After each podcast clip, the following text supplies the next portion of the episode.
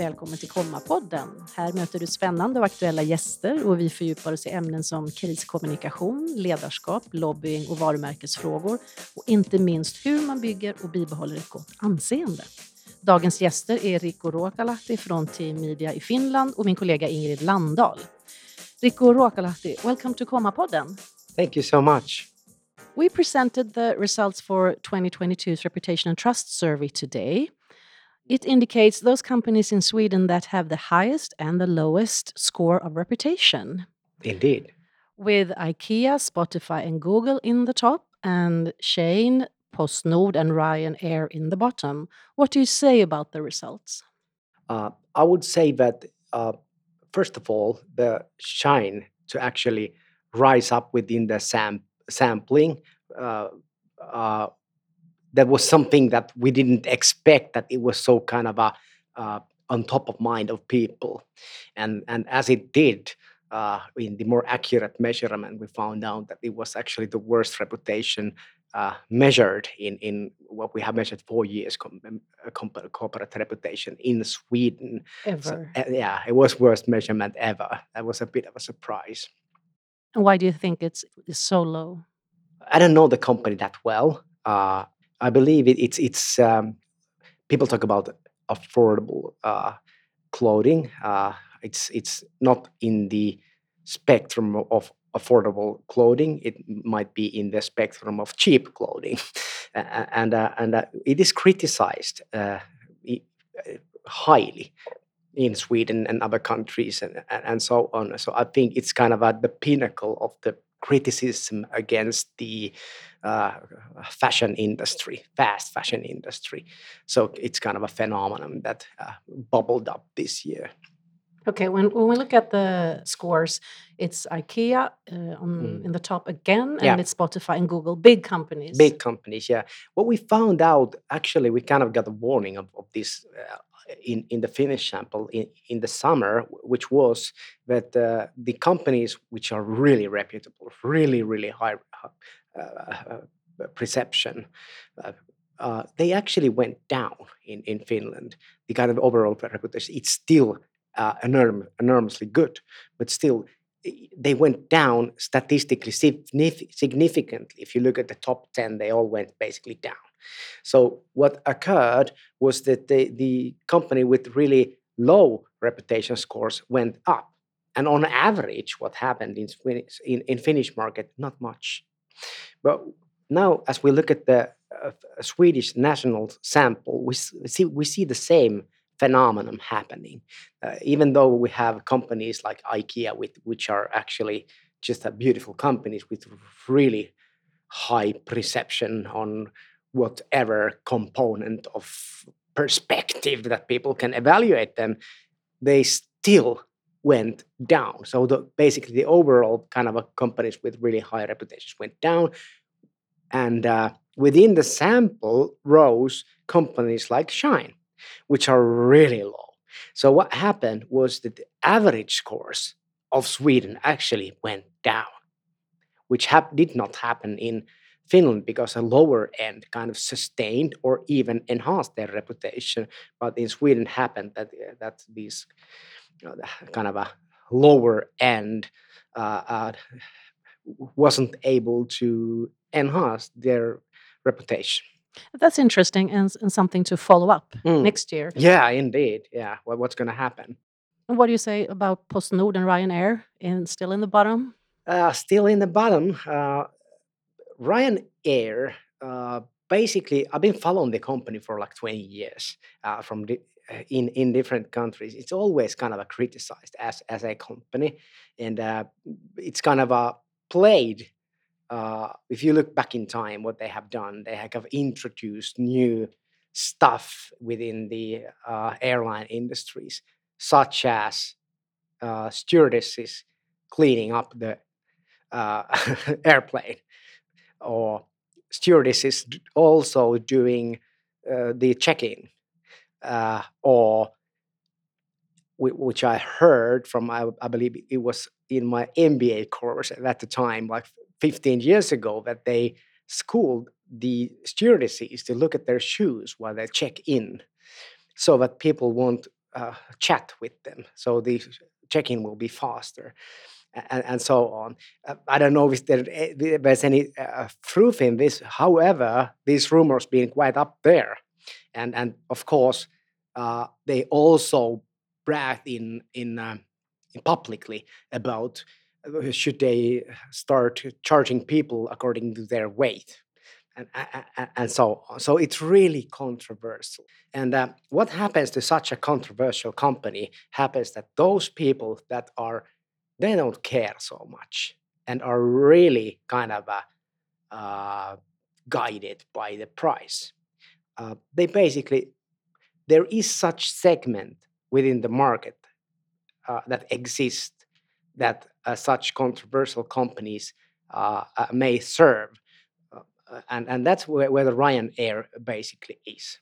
Yeah, you were talking about that. There is a place for companies that take the role of the rogue. Yeah, yeah, indeed, there is a role role for a rogue. However, in various industries, I would say that you cannot be the market leader as being a rogue, as people do have an an ethical kind of a uh, conscience mm, and, and compass. Mm. Yeah, yeah, in, in their uh, uh, choosing. And when we see that from the data that the companies with higher sustainability and uh, uh, social responsibility and, and more transparent governance and so on. People really tend to favor those companies in relation to their buying behavior, in relation to where they would apply for work or invest in or trust.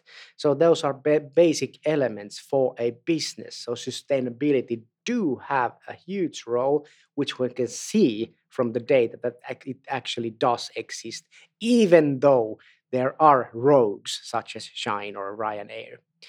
But PostNorden, uh, I suppose they must have operational uh, issues in, in how to say it in, in Sweden. So it's very much uh, not maybe a communication uh, problem for them. Uh, uh, uh PostNorden is also in, in, in the Finnish list and with, with, a similar reputation. And the reputation is very much tangled in uh, disappointments. They have had crisis. Okay, they have. Okay. Uh, in Finnish scene, it's about not getting the stuff that you you should get at the time. And many many kind of uh, disappointments in relation to the company that you really have to have your operational capabilities to the core product. That's the minimum, I would say. then you, of course, need to have other things as well. But if you don't have that even in place, uh, uh, it's a difficult place to be. Yeah. Did you see any surprises among the companies? Among the companies, yeah, I, my biggest surprise was actually the the these fast fashion uh, uh, company within in, and of course, uh, I would wouldn't say I was surprised by the drop of of the most reputable companies about the slight drop of the reputations, but it is still a thing, and uh, we have wondered why because always when we when we as human beings evaluate a company is this this company like is it a responsible company? It's always always we always do the kind of a evaluation in some uh, point of time where there are value ethical values and ethical consensus of what's right and what's wrong and what kind of performance is enough in relation to climate and so on. So what we saw in Swedish market was that the responsibility uh, components of reputation overall went down. And that not, might not be the result of companies' actual performance going down in relation to sustainability. It might be a result of people expecting more so they evaluate them less good uh, in relation to responsibility and sustainability and so on. Have you seen that reputation is growing as a business impact factor? Oh, yes, we have. I would say uh, the model fell 10 years last year. And if we go back where we had the first uh, nationally significant samples, when we can actually look into a nation of how reputation affects people's uh, trust and willingness to buy and recommend and apply for work and willingness to invest if they have the uh, have, have the possibility to invest in a company we saw this slope that if a reputation goes up or down initially 10 years ago there was this we found this slope that the stakeholder support this trust buying recommendation apply for work. It moved according to reputation by multiply of 1.07 2022 in finnish sample this was 1.24 Hmm. yeah. Swedish market? So in swedish market we have the four years average uh, uh, on, on the multiply is 1.16, which is really high. So, what I would say if people feel that the environment is changing in such way that people are like really fast in in communicating and making decisions and turning sides and, and so on and and acting against or for a company eh, that that will grows faster. It really looks like that when we look at it with like really long perspective like 10 years it it, it really has occurred. But that's interesting. Uh, if you should do a forecast with your experience what companies do you see will be able to build their reputation uh, 20 and 23 this year? Whoa. Um, i'm expecting hard times for financial industries because of the heightened rates and its effects on people. Also, retail industries will will struggle uh, because they have this basically. It doesn't have to contradict, but if you look at the used resources or or look at Shine, uh, it, there is a controversy between su- sustainability and the price. And that is uh, very much for fast moving consumer goods, uh, kind of a hard thing. Who will benefit from these hard times that we are experiencing? Uh, probably those companies who can uh, uh, contribute in solving these situations. So those might be they might be technology companies. I'm thinking innovation. Yeah, exactly. New innovation that contributes in a positive way to the situation that we are experiencing right now. So these are external environments affecting the company.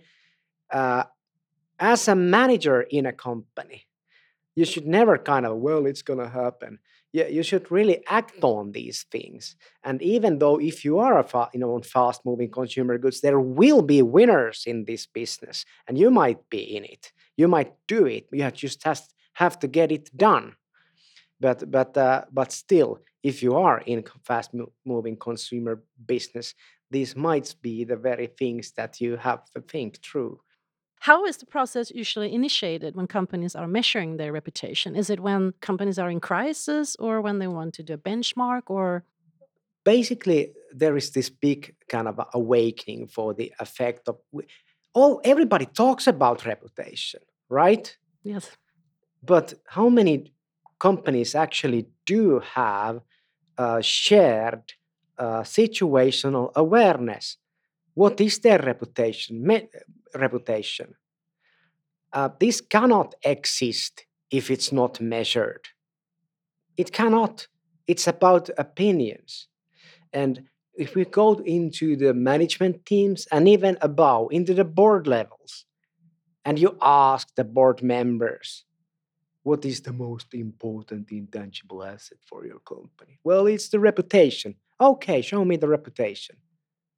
Well, many people like us and those people may not like us and so on. And we, we are really good in this. I don't know if people know that or not. And they blah, might blah, change blah. their opinion and tomorrow. Exactly. And then there is this hr person who actually gets the employee satisfactory result and the communication manager may have a uh, measurement on on stakeholder perspectives and there may be somebody who has a customer insight and and then you have all that stuff which is not comparable and it may not it may touch reputation but only from one dimension and you don't have a situational awareness.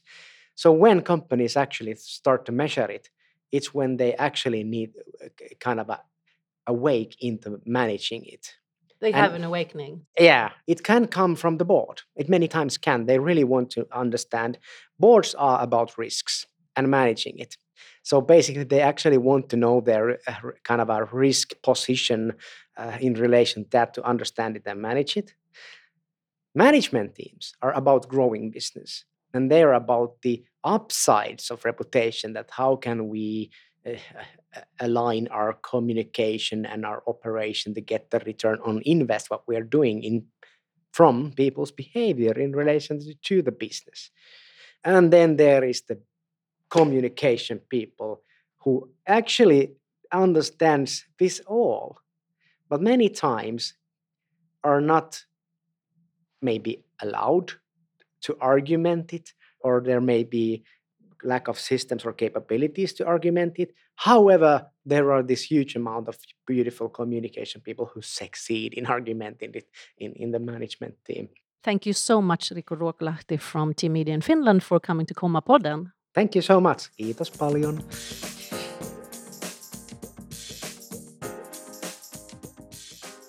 Dagens andra gäst är min kollega och Kommas VD Ingrid Landahl. Välkommen! Tack så mycket, vad roligt att vara här.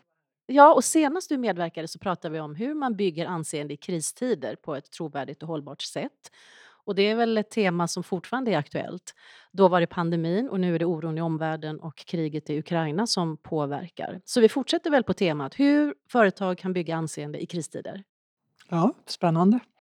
Först då, vad, vad, säger du om resultaten för 2022 års Reputation and Trust-mätning som Komma presenterade idag med listan över Sveriges högst respektive lägst ansedda företag?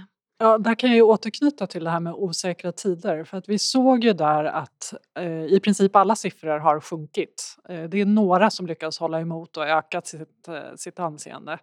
Men snittet för alla företag sjunker. Så att det är svårare att upprätthålla ett gott anseende när tiderna är osäkra. Och det handlar ju både om eh, med inflation, alltså prisvärdhet när det kommer till produkter och tjänster. Men det handlar ju också om osäkerhet kanske om sitt arbete. Har man det kvar? Eh, kommer jag få den lönen jag behöver och så vidare. Så det, det, är svårare att upprätthålla. Eh, sen har vi ju samtidigt hela tiden ökade krav på hållbarhetsfrågorna. Att man förväntar sig mer av företagen. Även fast det är svårare tider så är förväntningarna ännu högre på vissa områden. Så det är svårare eh, att ha ett högt anseende och att bibehålla det och vi, vi ser att siffrorna sjunker lite grann. Ska vi avslöja listan då? Topplistan och bottenlistan? Ja, alltid spännande, eller hur?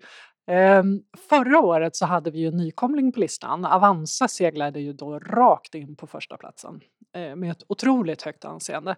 Och där ser vi ju i år att de kvalade inte in eh, med tillräckligt många röster för att komma in på årets lista. Och det här handlar ju om att vi, vi gör listan i två steg. Till, eh, I första steget så eh, får en webbpanels eh, alltså top of mind komma spontant med de två företag som har högst anseende och de två företag som de tycker har lägst anseende. Och sen tar vi de 30 som får flest röster och det är de som betygsätts sen. Och då handlar det om att Avanza kom inte tillräckligt mycket top of mind för att komma med från början. Sen kan det vara så att deras anseende fortfarande är högt, men de kvalade inte in.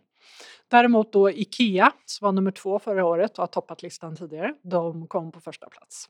Och sen har vi Spotify och Google som också har varit med uppe på toppen. Intressant kan jag tycka är Spotify där vi faktiskt har sett eh, en del negativt kring under åren med deras poddar och så vidare. Att de ändå upprätthåller ett så gott anseende som de gör. Jag hade nog trott att vi skulle sett en liten minskning. Men å andra sidan, det har varit en Netflix-serie om hur de startade och så vidare och jag, jag tror att man ser på den tjänsten de tillhandahåller så att är, är de ju väldigt, väldigt duktiga. Så att de, de klarar sig kvar uppe på topplistan. Om vi tittar på bottenplaceringarna? Ja, där var det intressant. Där hade vi ett företag som har kommit in på den absolut lägsta siffran vi någonsin har sett. Och det var Shane, eh, ett eh, kinesiskt fast fashion-företag. Eh, och de kom i absolut botten på 2,24 på en skala 1 till 5, eh, vilket är otroligt lågt. Eh, man ser att de ligger, de ligger med röda siffror i princip i varje dimension. Eh, det är bara prisvärdhet för deras produkter och tjänster ligger strax över 3. Och då ska man ju veta att deras produkter är väldigt, väldigt billiga. Eh, så att det, var, det är en nyhet på listan. Sen eh, kvar i botten så ligger Postnord och Ryanair och de har parkerat där under alla fyra år. Och sen har vi eh, runt tre, men ändå på bottenlistan, så har vi ett par nykomlingar. Eh, en av dem var Vattenfall eh, och där kan man ju tänka sig att det handlar om energikris och energipriser. Vi har även SJ där vi ser att det har varit väldigt mycket kring deras planering och tillförlitligheten i tåg och så vidare. Eh, så att det är två av dem som har kommit in på bottenlistan. Var det några andra överraskningar? Ja, om man tittar på Swedbank, de har ju eh, lyckats komma upp från, absolut, de låg väldigt lågt för tre år sedan på listan och har lyckats med en ganska snabb resa uppåt och klev ut utanför listan ända tills i år när de halkade ner igen och det kan man ju tänka sig handlar om rättegången mot deras före detta vd. Eh, annars så är det ganska stabilt. Eh, det vi har i toppen i och för sig som kan vara värt att nämna det är att eh, ABB och Scania kommer upp top of mind. Scania har också klättrat väldigt mycket, ligger på en delad fjärde plats. Eh, och ABB är helt nya in på listan. Att de kommer så pass bra ut i en lista som ändå handlar om att vi frågar svenska folket, alltså konsumenter, om eh, vad de kommer på för företag. Så att, att två stycken B2B-företag kommer upp där och högt upp, det tycker jag är intressant. Eh, och det kan ju också handla om att det är två trygga, stabila arbetsgivare eh, och det är osäkra tider. Och det är två företag som har funnits med länge och som man är stolt över i Sverige. Reputation and Trust mäter åtta olika dimensioner av anseendet. Kan du kort beskriva dem? Ja, det handlar ju då om vilka dimensioner som mest påverkar intressentstödet. Och det är ju viktigt att säga att den mätningen mäter ju inte bara anseendet utan mäter ju hur anseendet påverkar saker som att vilja köpa av ett företag eller investera i det eller söka jobb hos det. Så det är de faktorer som mest påverkar intressentstödet. Och då har man då hittat att det handlar om åtta olika dimensioner varav några är till exempel ansvarstagande som naturligtvis eh, handlar mycket om hållbarhetsfrågor men även socialt ansvar. Eh, hur man är som arbetsgivare och det går ju in lite grann i det här ansvarstagandet. Tar man hand om sina medarbetare? Det är ledarskap, innovation. Det är också governancefrågor om man beter sig etiskt eh, och transparent. Så att det, är, det är åtta olika delar. Och vi har märkt att allt fler företag gör Reputation and Trust-undersökningen och då är det intressant vad man har för ingångar. Och, och många företag upplever kompetensförsörjning som ett stort problem. Finns det någon koppling mellan anseendet, Reputation and Trust och att rekrytera och bibehålla medarbetare? Mm, absolut. Eh, hur man tar hand om sina medarbetare är ju en viktig dimension i anseendet. Men alla de här eh, åtta dimensionerna påverkar också hur benägna människor är att söka jobb hos det här företaget. Så att genom att jobba med sitt anseende så får du också fler som vill söka jobb. Så att det, det hänger ihop på två olika sätt. Alltså en av dimensionerna påverkar hela anseendet men anseendet påverkar vilka du kan rekrytera. Och hur ser kopplingen ut till exempel mellan Reputation and Trust och företagens hållbarhetsarbete? Du var inne lite på det. Ja, eh, ansvarstagande är ju en dimension men det finns ju några till som också ingår i det som kallas ESG. Alltså det finns dessutom, om man plockar ut fyra av de här åtta dimensionerna så kan man sätta ihop dem till en bild som visar hur man uppfattas vad gäller sitt hållbarhetsarbete. För vi har ju den ena delen är ju vad företagen de facto gör som man redovisar i sina eh, hållbarhetsrapporter. Eh, men den andra delen är ju hur man uppfattas också. Eh, det vill säga lyckas du nå ut med det arbete du gör? Eh, eller har du lyckats skapa en bild som du kanske inte lever upp till? Ja, men då har vi istället en risk. Så att det är viktigt att mäta inte bara de facto vad man gör utan också hur man uppfattas. om man ska illustrera det så blir det som en, en viol, den här som en symbol som kan då vara i färgerna rött, gult och grönt. Ja, eh, det är väldigt tjusig grafik i det hela. Ja, verkligen. Men eh, fördelen med de här, att det är så visuellt, är att både anseendemätningen och den här ESG-rapporten blir otroligt tydliga. Och det blir väldigt lätt när man ska dra det, till exempel om man drar det för en företagsledning som kanske har tio minuter på sig, så blir det otroligt visuellt och det är lätt att komma ihåg. Och det är väldigt lätt att jämföra med till exempel konkurrenter eller med föregående år, eh, hur det här har utvecklats. Så att den visuella rapporten, det är inte bara roligt med att se grafiken i en presentation utan det har ju också ett väldigt, väldigt tydligt syfte att det blir det blir en, en, eh, ett bra utgångsläge att jobba ifrån. Ja, en väldigt viktig funktion. Mm. Och de här eh, färgerna då, de korrelerar mot de här siffrorna som vi nämnde mm. tidigare också, från mm. 1 till 5. Ja, precis. Där färgerna finns i skalan, hur ser det ut? Ja, det går från mörkrött till mörkgrönt kan man säga. Mm. Har man över 3 så är man på den gula, the safe side. Eh, har man över 4 så över 3,5 så är man grön, över 4 så är man mörkgrön. Och sen kan det vara väldigt rött nere på skala 1. Det här med anseende, ja det är viktigt mot konsumenter men det gäller kanske inte riktigt oss. Vi är leverantörer till företag inom en specifik bransch. Vad säger du om det resonemanget? Ja, alltså vi ser ju anseendets betydelse nästan ännu starkare eh, vad gäller B2B-företag för hur det påverkar affären. Och där kan det, ju, eh, det handlar om två delar. Å ena sidan så vill man ju köpa av ett företag som man tycker ja, men det här verkar vara ett sunt och bra företag. Eh, jag delar deras värderingar, jag kan lita på dem. Men det handlar ju också om riskminimering.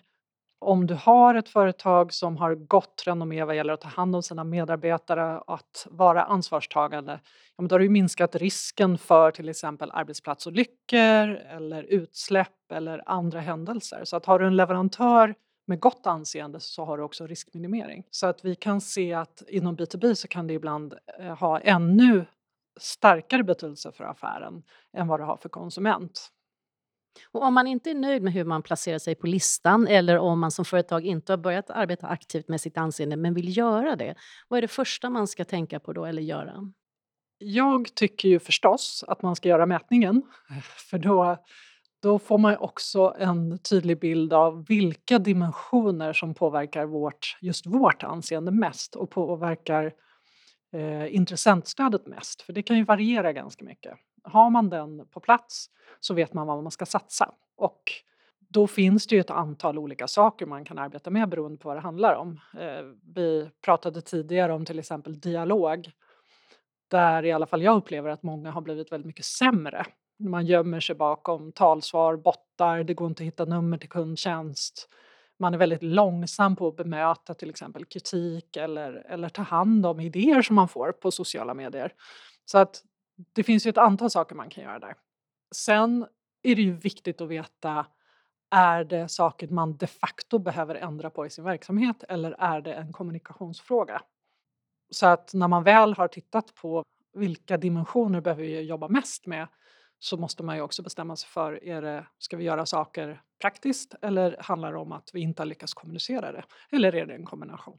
Lite grann om att göra den här eh, läkarundersökningen mm. så att man får sin diagnos för just mig. Ja, precis. Företag. För det, det kan skilja väldigt mycket och framförallt kan det skilja var man ska lägga sina resurser. Så genom att lägga lite pengar på själva undersökningen så kan man ju spara väldigt mycket pengar på att man lägger sina insatser på rätt, rätt ställe. Hur snabbt kan man förvänta sig resultat när man börjar jobba med reputation and trust? Så att, att flytta anseendet är ju ett långsiktigt arbete. Det är ju ingenting man gör eh, över en natt om det inte är åt det negativa hållet för då har man kanske haft en kris och då kan det gå väldigt fort. Men uppåt så tar det ju ett tag, man får nästan se det på ett, två års sikt om man ska kunna förflytta anseendet rejält så att det syns. Sen är det ju också så att omgivningens förväntningar på eh, anseende eller i olika dimensioner kan variera med tid också. Vi ser till exempel på ansvarstagande, vi har högre och högre förväntningar på till exempel hållbarhetsarbete och bara för att bibehålla sina poäng där så måste man hela tiden bli bättre. Så det kan ju också vara så att förväntningarna växlar mellan åren. Och det är också en faktor att ta hänsyn till. Så att man måste hela tiden jobba och hela tiden bli lite bättre. Och Rico nämnde att ja, men reputation, det är någonting alla pratar om. Men vad menar man egentligen? Upplever du också det?